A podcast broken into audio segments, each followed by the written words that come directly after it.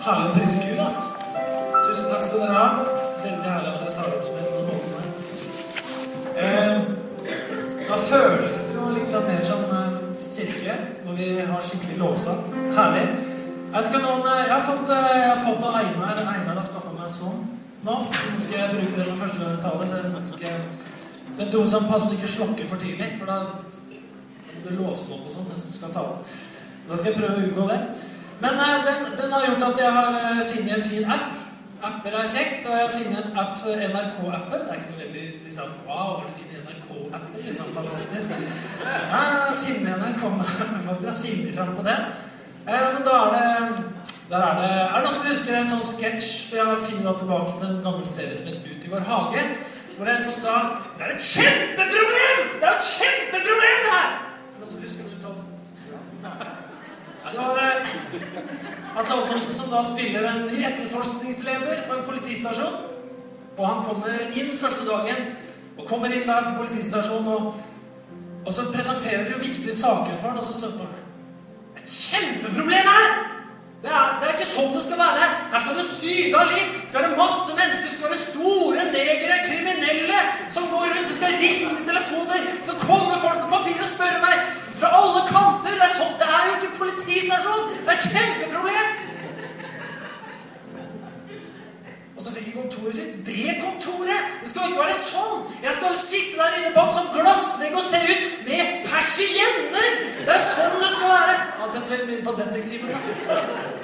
Det er sånn det er i amerikanske liksom, politistasjoner det er masse dyr. Så det var veldig mange sånne ting som var et kjempeproblem!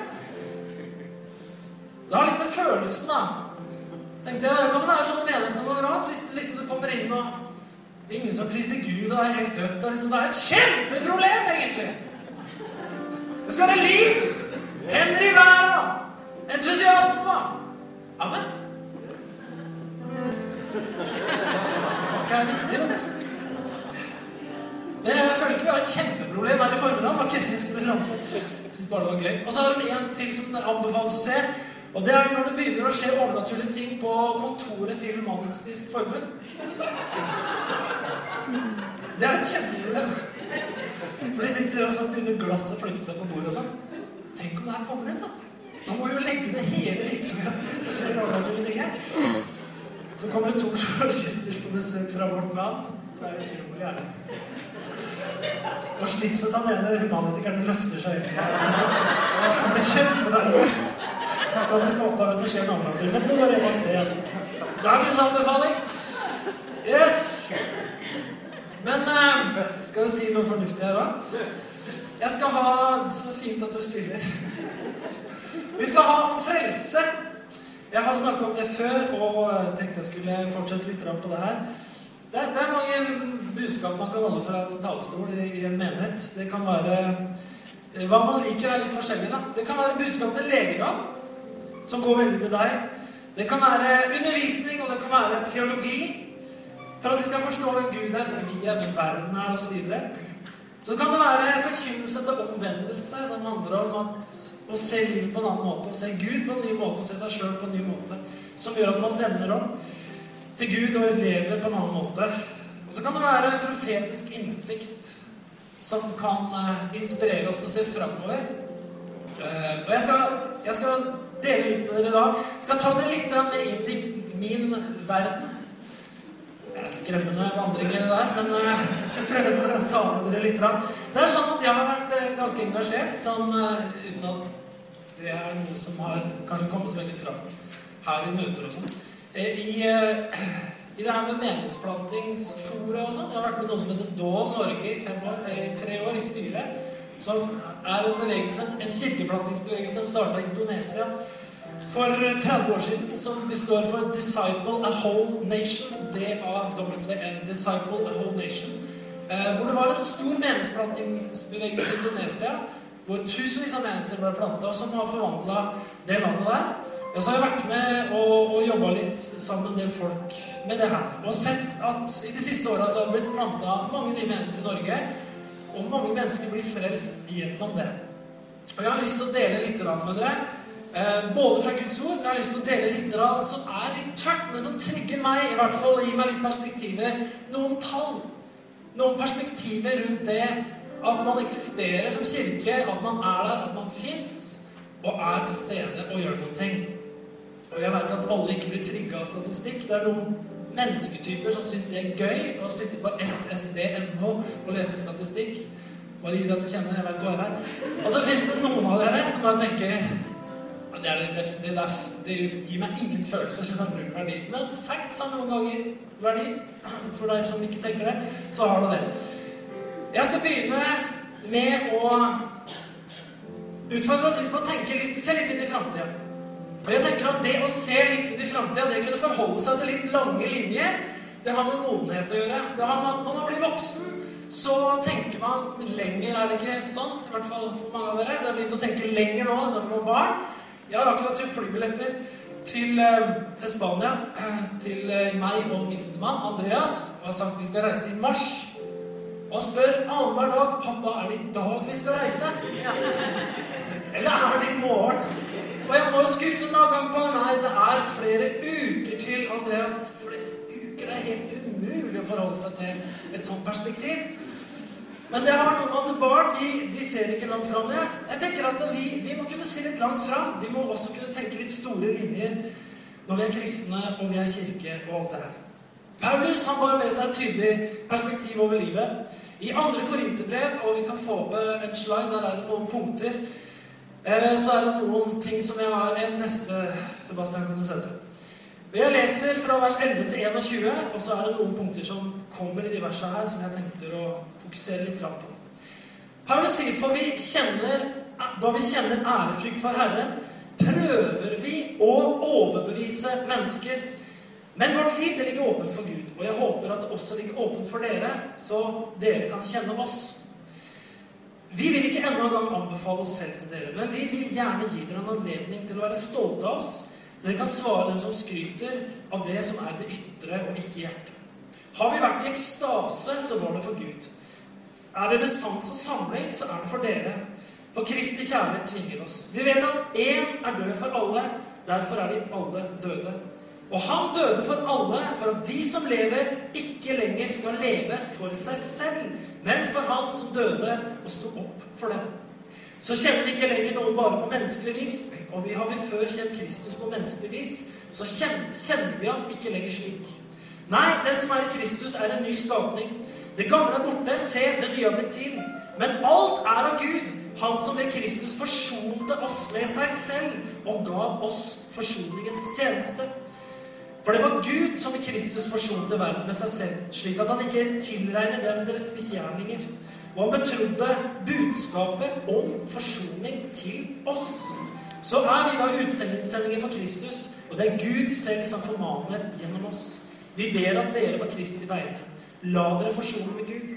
Han som ikke visste av synd, har, gjort, har han gjort det synd for oss, for at vi ved ham skulle få Guds rettferdighet. Det er et lengre avsnitt som det kunne vært sagt mye om. Men eh, det er noe her som, som jeg trekker ut av de versene. Paulus sier at uh, vi prøver å overbevise mennesker. Da vi kjenner ærefrykt for Herren, så prøver vi å overbevise mennesker. Det var altså på en måte Paulus innstilling at jeg er her, og jeg ønsker å overbevise mennesker om at Jesus Kristus fra Nasaret var Guds sønn, og at han er eneste veien til Gud. Det andre som han snakker om, det er at, at han døde for alle for at de som lever, ikke lenger skal leve for seg selv, men skal leve for Herren. Og Det er et sånt kjempeperspektiv som jeg tror Paulus fikk over livet sitt. Det var det her Jeg lever ikke lenger for meg sjøl. Det er ikke først og fremst meg sjøl, min egen agenda, men jeg lever for noe større. Jeg lever for noe mer. Jeg lever for han, og jeg lever for hans sak. Og det tror jeg følger med den derre brannen som man får i gjenførelsen ved tro på Jesus Kristus. Det siste som jeg griper litt tak i her, det er at han gav oss forsoningens tjeneste. Og jeg tenker det her er det perspektivet jeg har. Gud frelste verden gjennom Jesus Kristus. Jesus Kristus frelser verden gjennom menigheten. Amen. Det er en bra teologi, det, altså. At han sier det. Dere har blitt gitt forsoningens tjeneste. Deres oppgave er altså å bringe mennesker til forsoning med Gud. Det er en tjeneste dere har fått. Forsoningens tjeneste. Og jeg syns det er et flott begrep. Det er det motsatte av krig. Det er det motsatte av utilgivelse, det er det motsatte av konflikt. Det handler om å bli forsona med Gud, med hverandre, med den verden som vi er en del av. Jeg tenker at det som står i de tre punktene her, på mange måter definerer en ekte kirke. At vi prøver å overbevise mennesker. Det handler om aktivitet.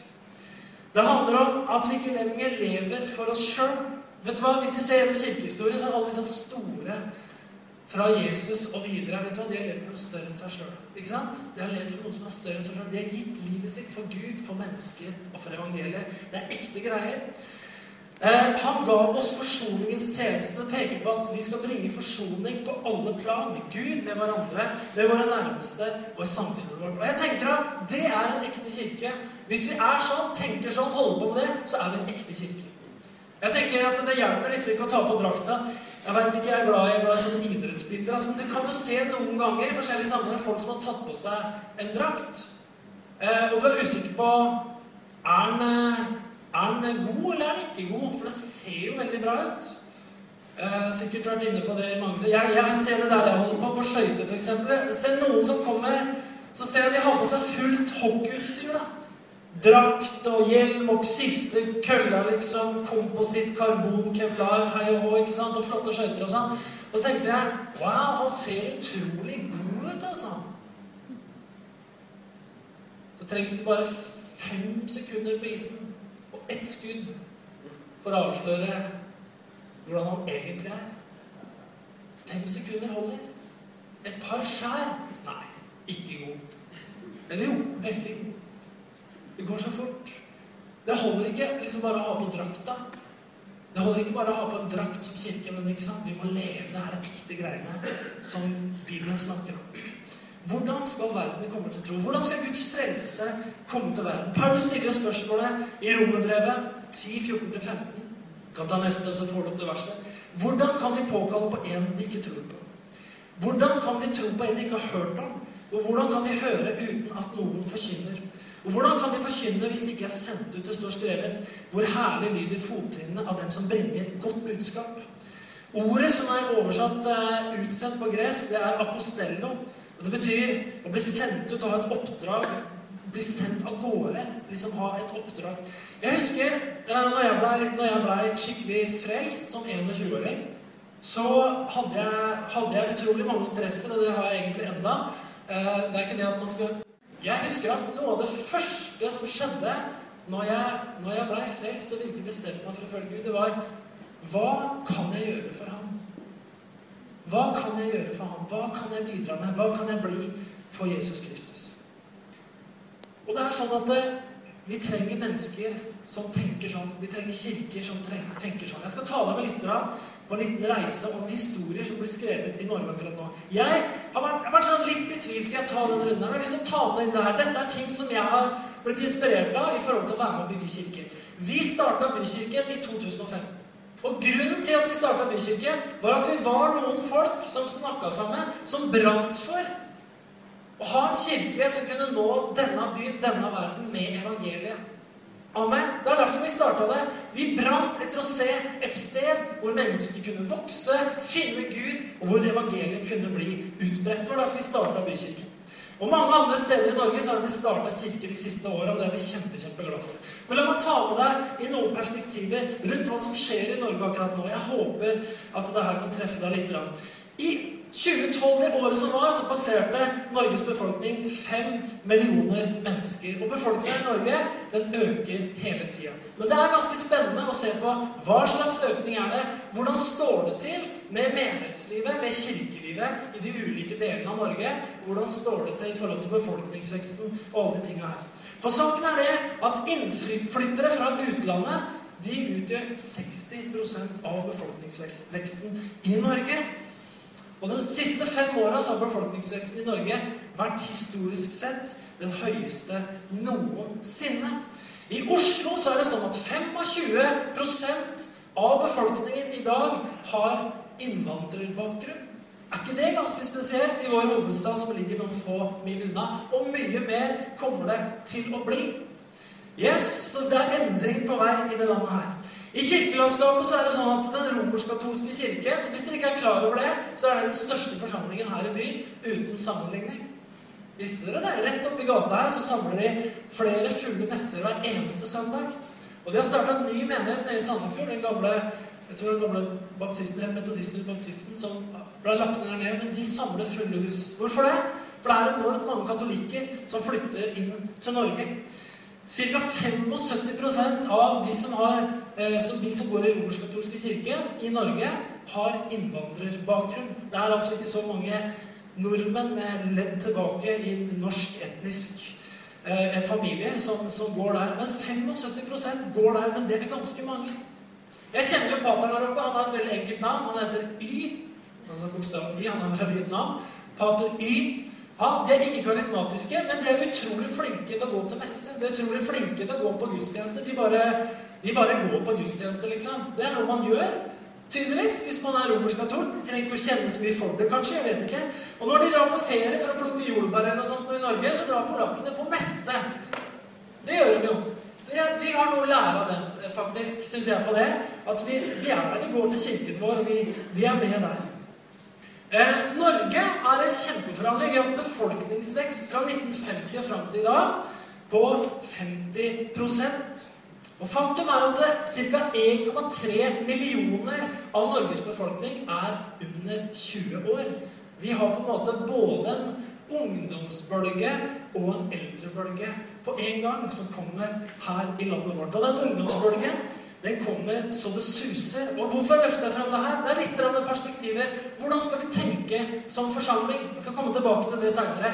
Men det at vi forstår hva som skjer i samfunnet vårt i forhold til å bringe frelse, det er utrolig viktig. I Norge så er det sånn nå at for øyeblikket så fødes det flere barn utenfor ekteskap enn i ekteskap. Har du tenkt på det? Det slo inn bare fra tre-fire år siden. så var Det sånn at det var et flertall av barna som blir født i Norge i dag, blir født utenfor normal ekteskapsstandard. Enten samboere eller andre som får barn. Og det er ganske spesielt.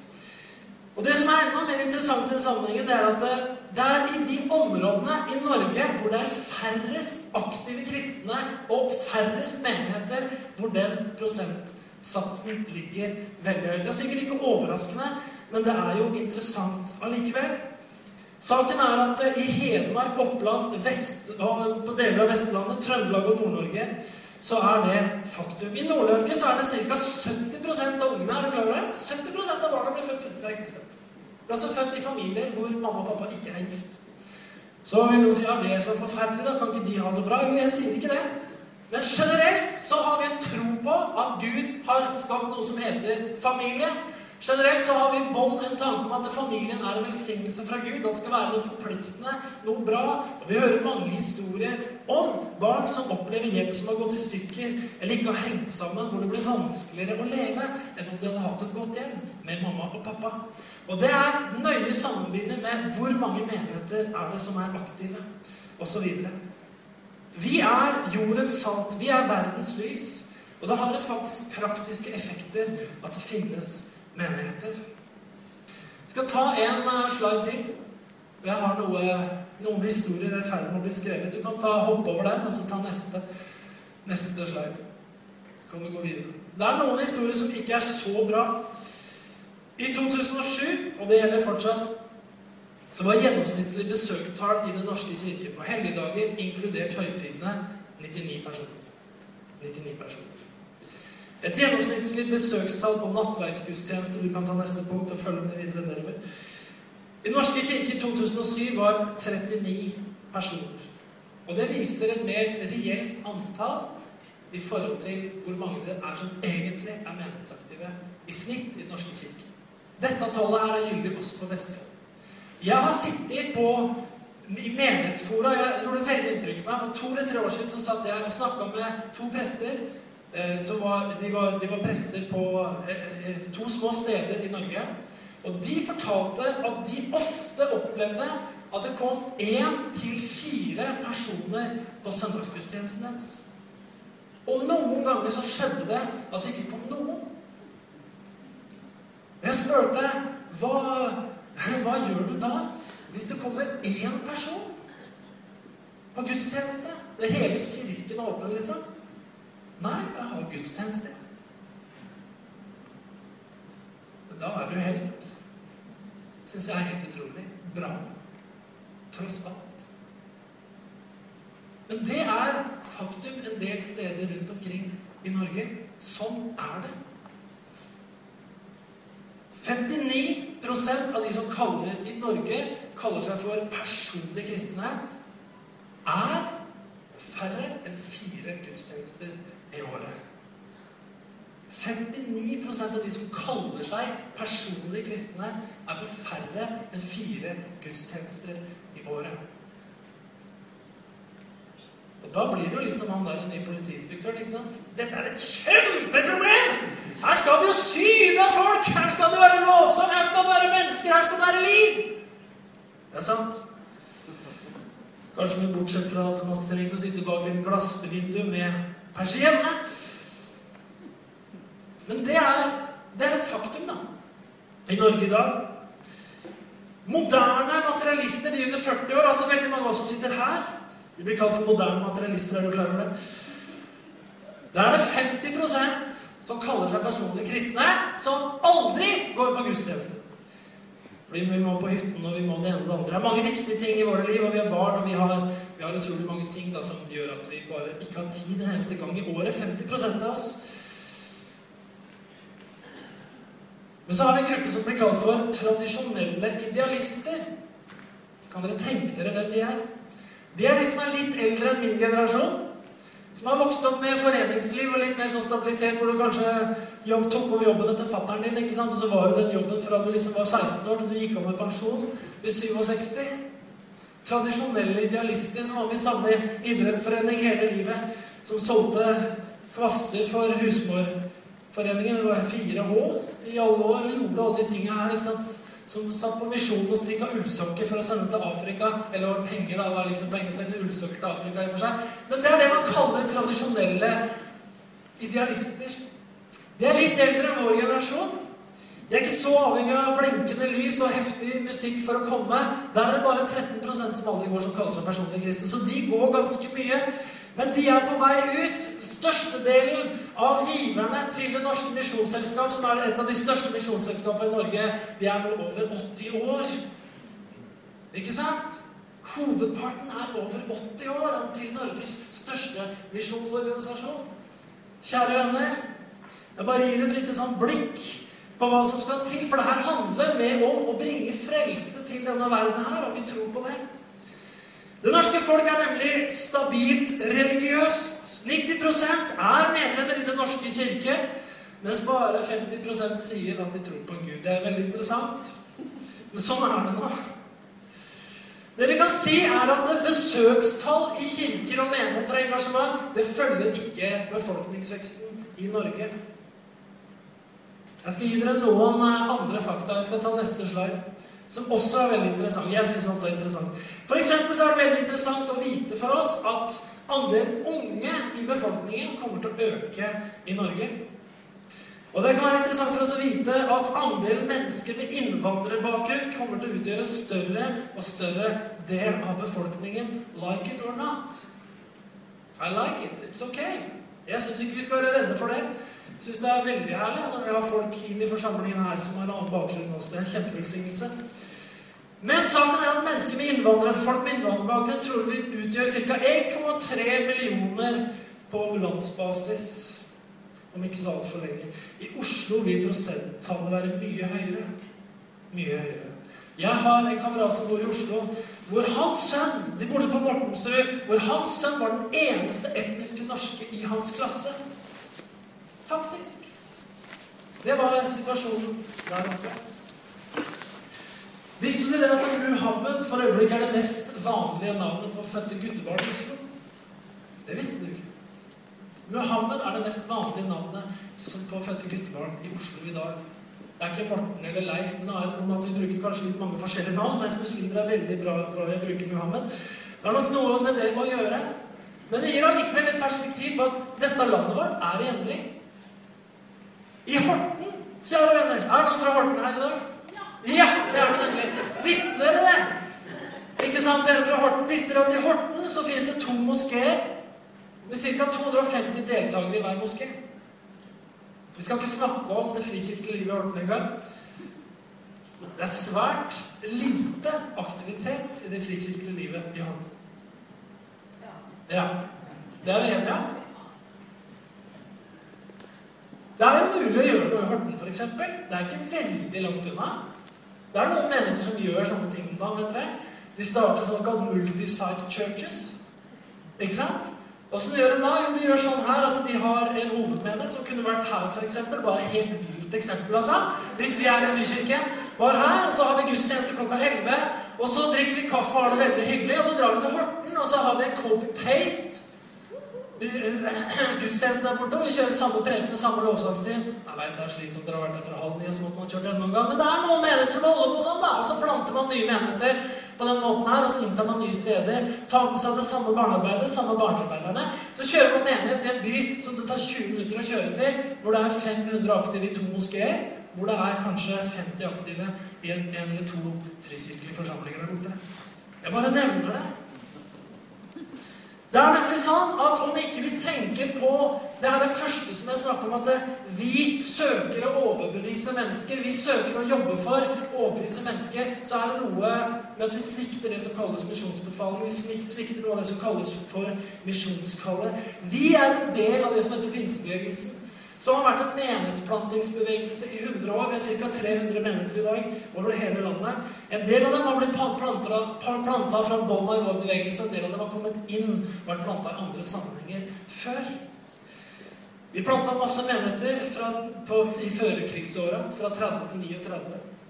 Og så har vi begynt å plante litt mer de siste året fordi vi har skjønt at vi må plante menigheter. Vi må utbre evangeliet. Vi må jobbe for at vi skal nå dette landet her fordi den mest effektive måten å bringe frelse på er ikke evangeliseringskampanjer. Det er ved å plante menigheter. Det er ved å starte nye kirker på nye steder, så evangeliet kan bli bredt ut. Henger du med? Hvordan ser det ut på neste slide? Hvordan ser det ut f.eks. i vår bevegelse? Hvor er vi plassert på det kartet her? Hvis du f.eks. er på den grafen her, så er det noen tall, og det viser deg at 94, eller kanskje det er 95 nå, menigheter av de 300 som er i vår bevegelse, de har under 50 medlemmer.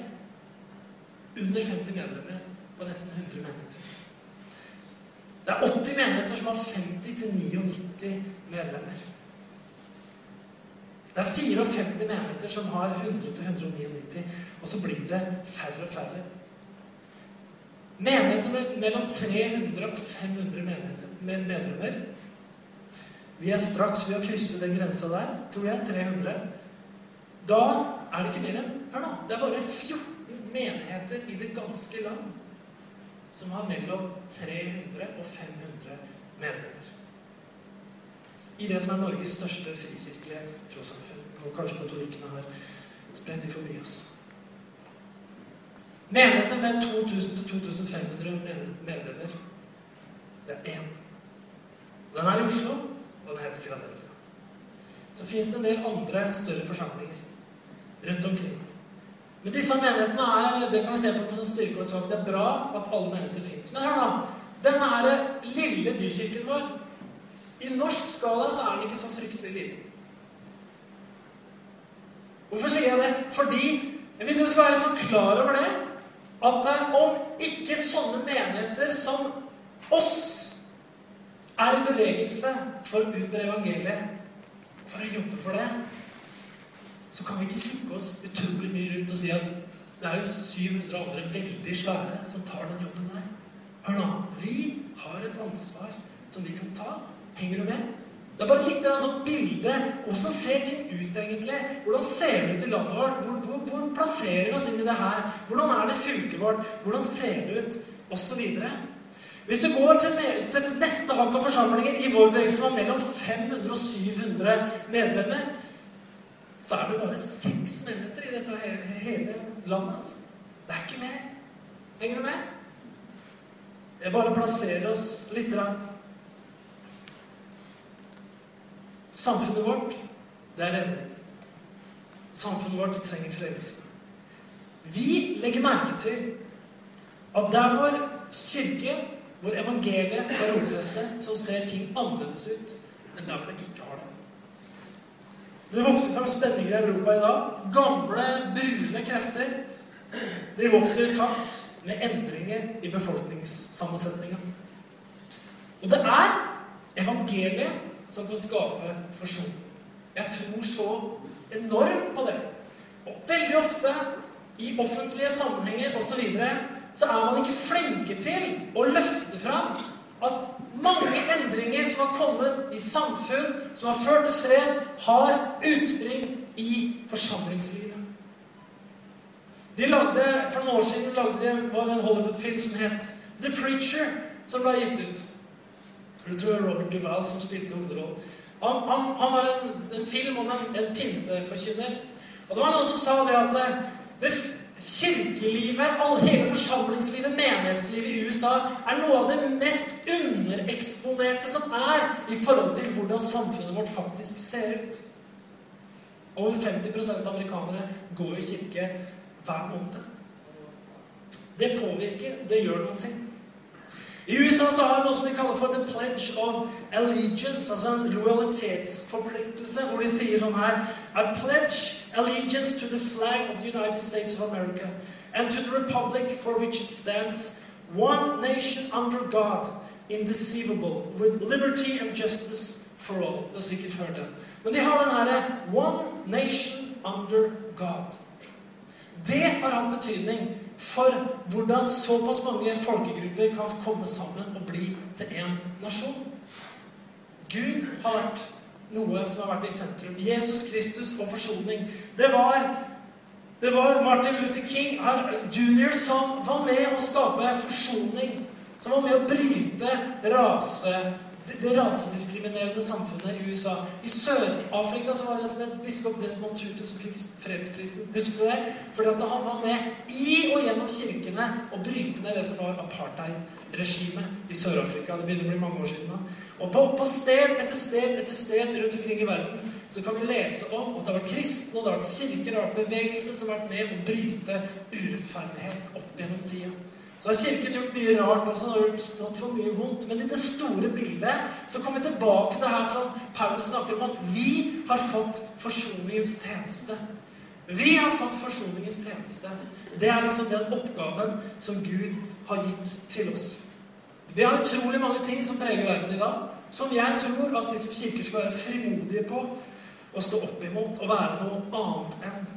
Vi har alt fra grådig kapitalisme, altså finanskrisa som vi fikk, som har plaga jeg mener, Hvor mange familier er det ikke som har mista hjemma sine? Hvor mange er det ikke som har blitt gjeldsslaver? Hvor mange er det ikke som har fått ødelagt framtida si pga. finanskrisa? Hvorfor det? Fordi det var grådighet. Kapitalismen er kjekt til mye, men den har en grådighet i seg som er fryktelig. Og hvor det aldri kan bli nok. Og den er, kapitalismen er liksom ikke Det er ikke den du kommer til å finne i himmelen, for å si det sånn. For noen kristne så er kapitalismen liksom God's plan nummer én. Men i himmelen så er det ikke kapitalisme. Amen. Det er noe annet. Det er Gud som er sjef. Det blir veldig bra. I dag er det masse islamistisk religiøs ekstremisme.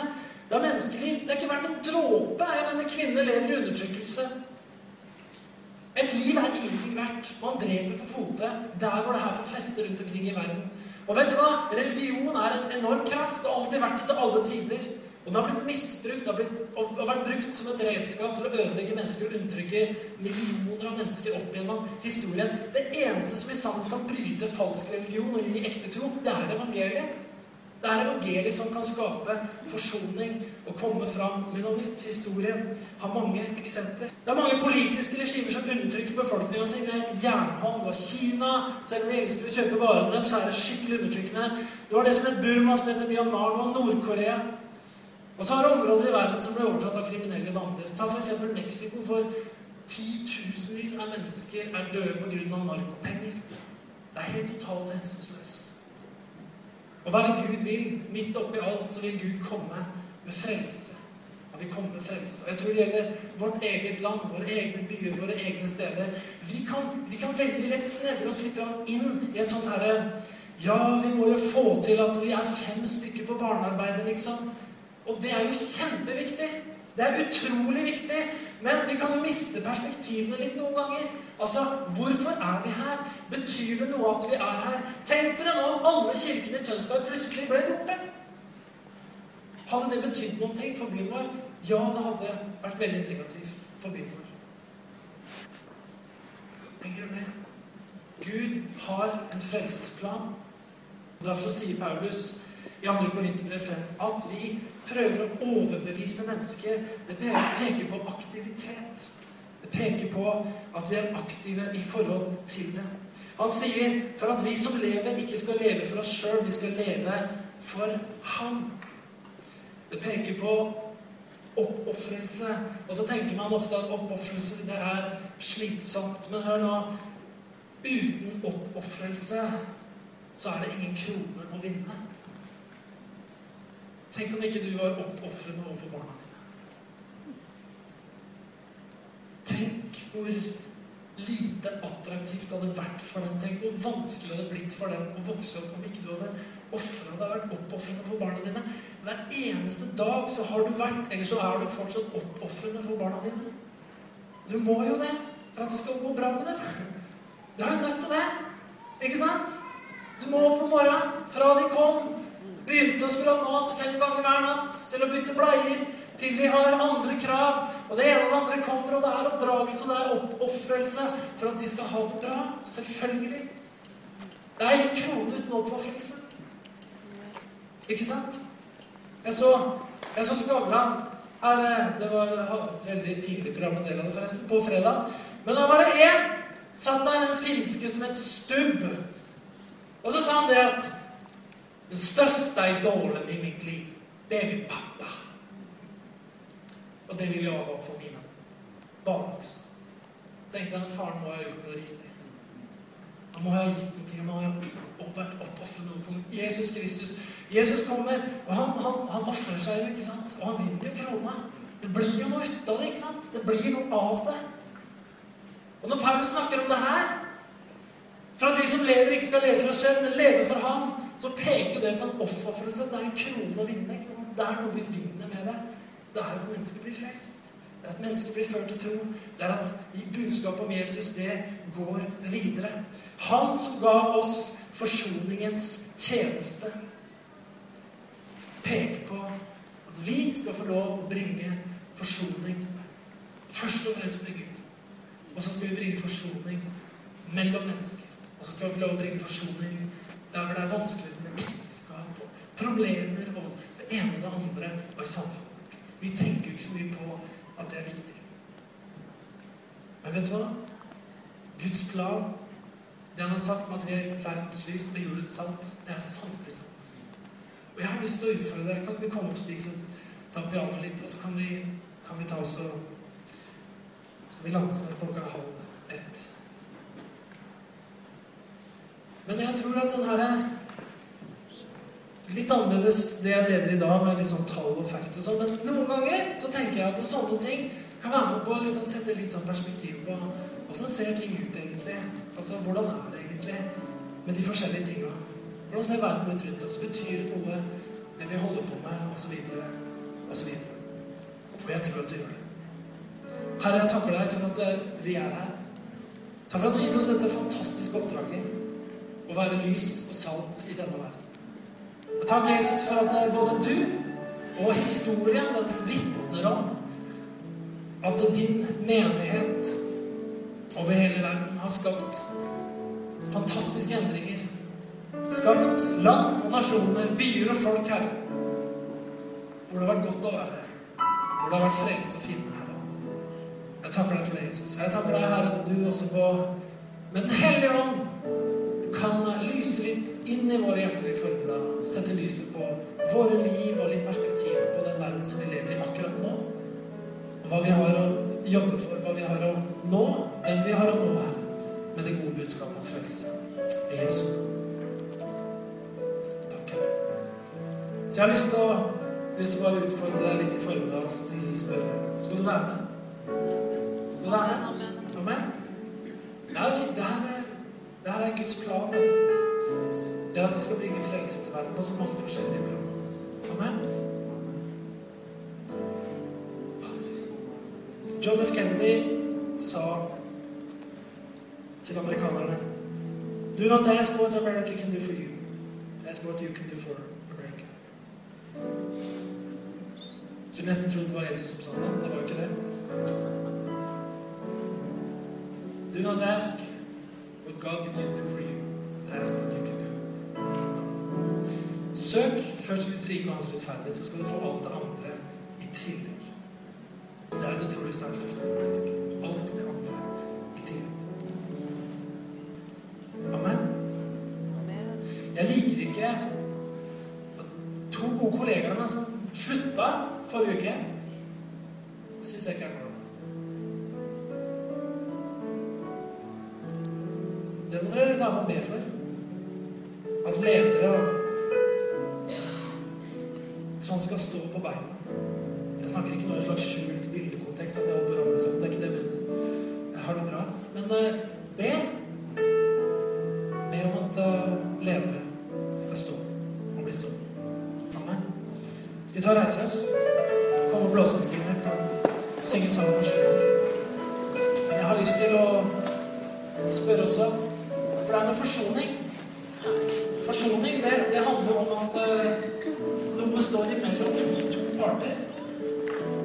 Står imellom, det, det hindrer de to partene å ha kontakt.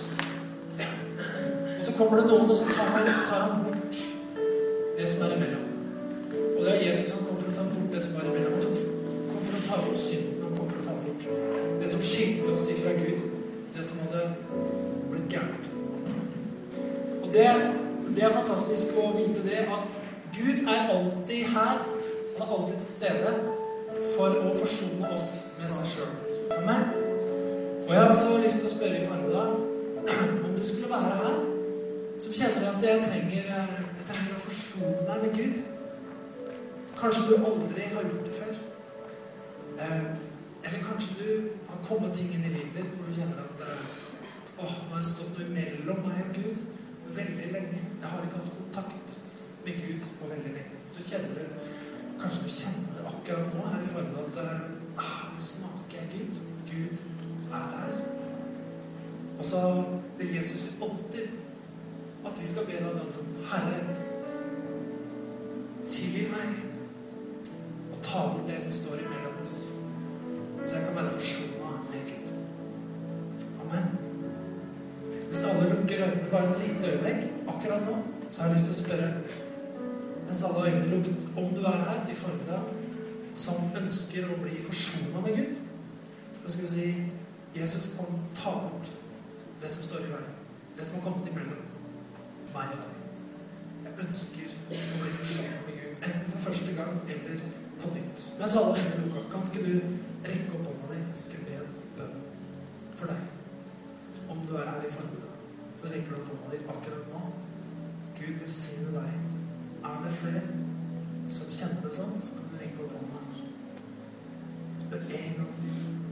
Om det er noe du kjenner står imellom deg og Gud, som du vil ha forsona, som du ønsker å be Gud om, så løfter opp din, så ser du. Gud velsigne deg og deg. Herre, takker deg. Takker deg for forsoning, Herre.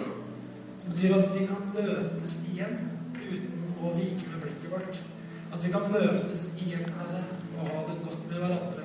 Være frimodige med hverandre, Herre. At vi kan komme frimodig fremfor deg. Herre, takk for de som brakk opp hånda. Herre, i formiddag, du kjenner akkurat hva det gjelder. Og Herre, vi, vi tilsier den tilgivelse i Jesu Kristi navn akkurat nå. Herre, takk at du ved ditt blod har fjerna synden som sto i veien, som sto imellom, og at du har gitt oss en åpen og fri entré til deg. Herre, så takker vi deg i Jesu mektige navn at du fjerner synden på grunn av bekjennelsen og troen, ha fred med deg. I Jesu navn. Min fred gir deg, sier Herre. Ikke den fred som verden gir, men min fred gir deg, sier Herre. Gå i fred og tjen Herre med glede. Amen. Takk, Jesus. Vi blir stående, så priser vi Herren med sammen til slutt. Gud velsigne deg. Ta med litt mer av misjonsbefalingen hjemme til formiddag. Vanvittig konkret utfordring. 30 sekunder før du sa det, når du sto her, var det bare et sånt soleklart spørsmål som bare kom opp i hjertet mitt. Og det var Vil du være med på dette? Og så 30 sekunder etterpå så sier Magnar Vil du være med på dette?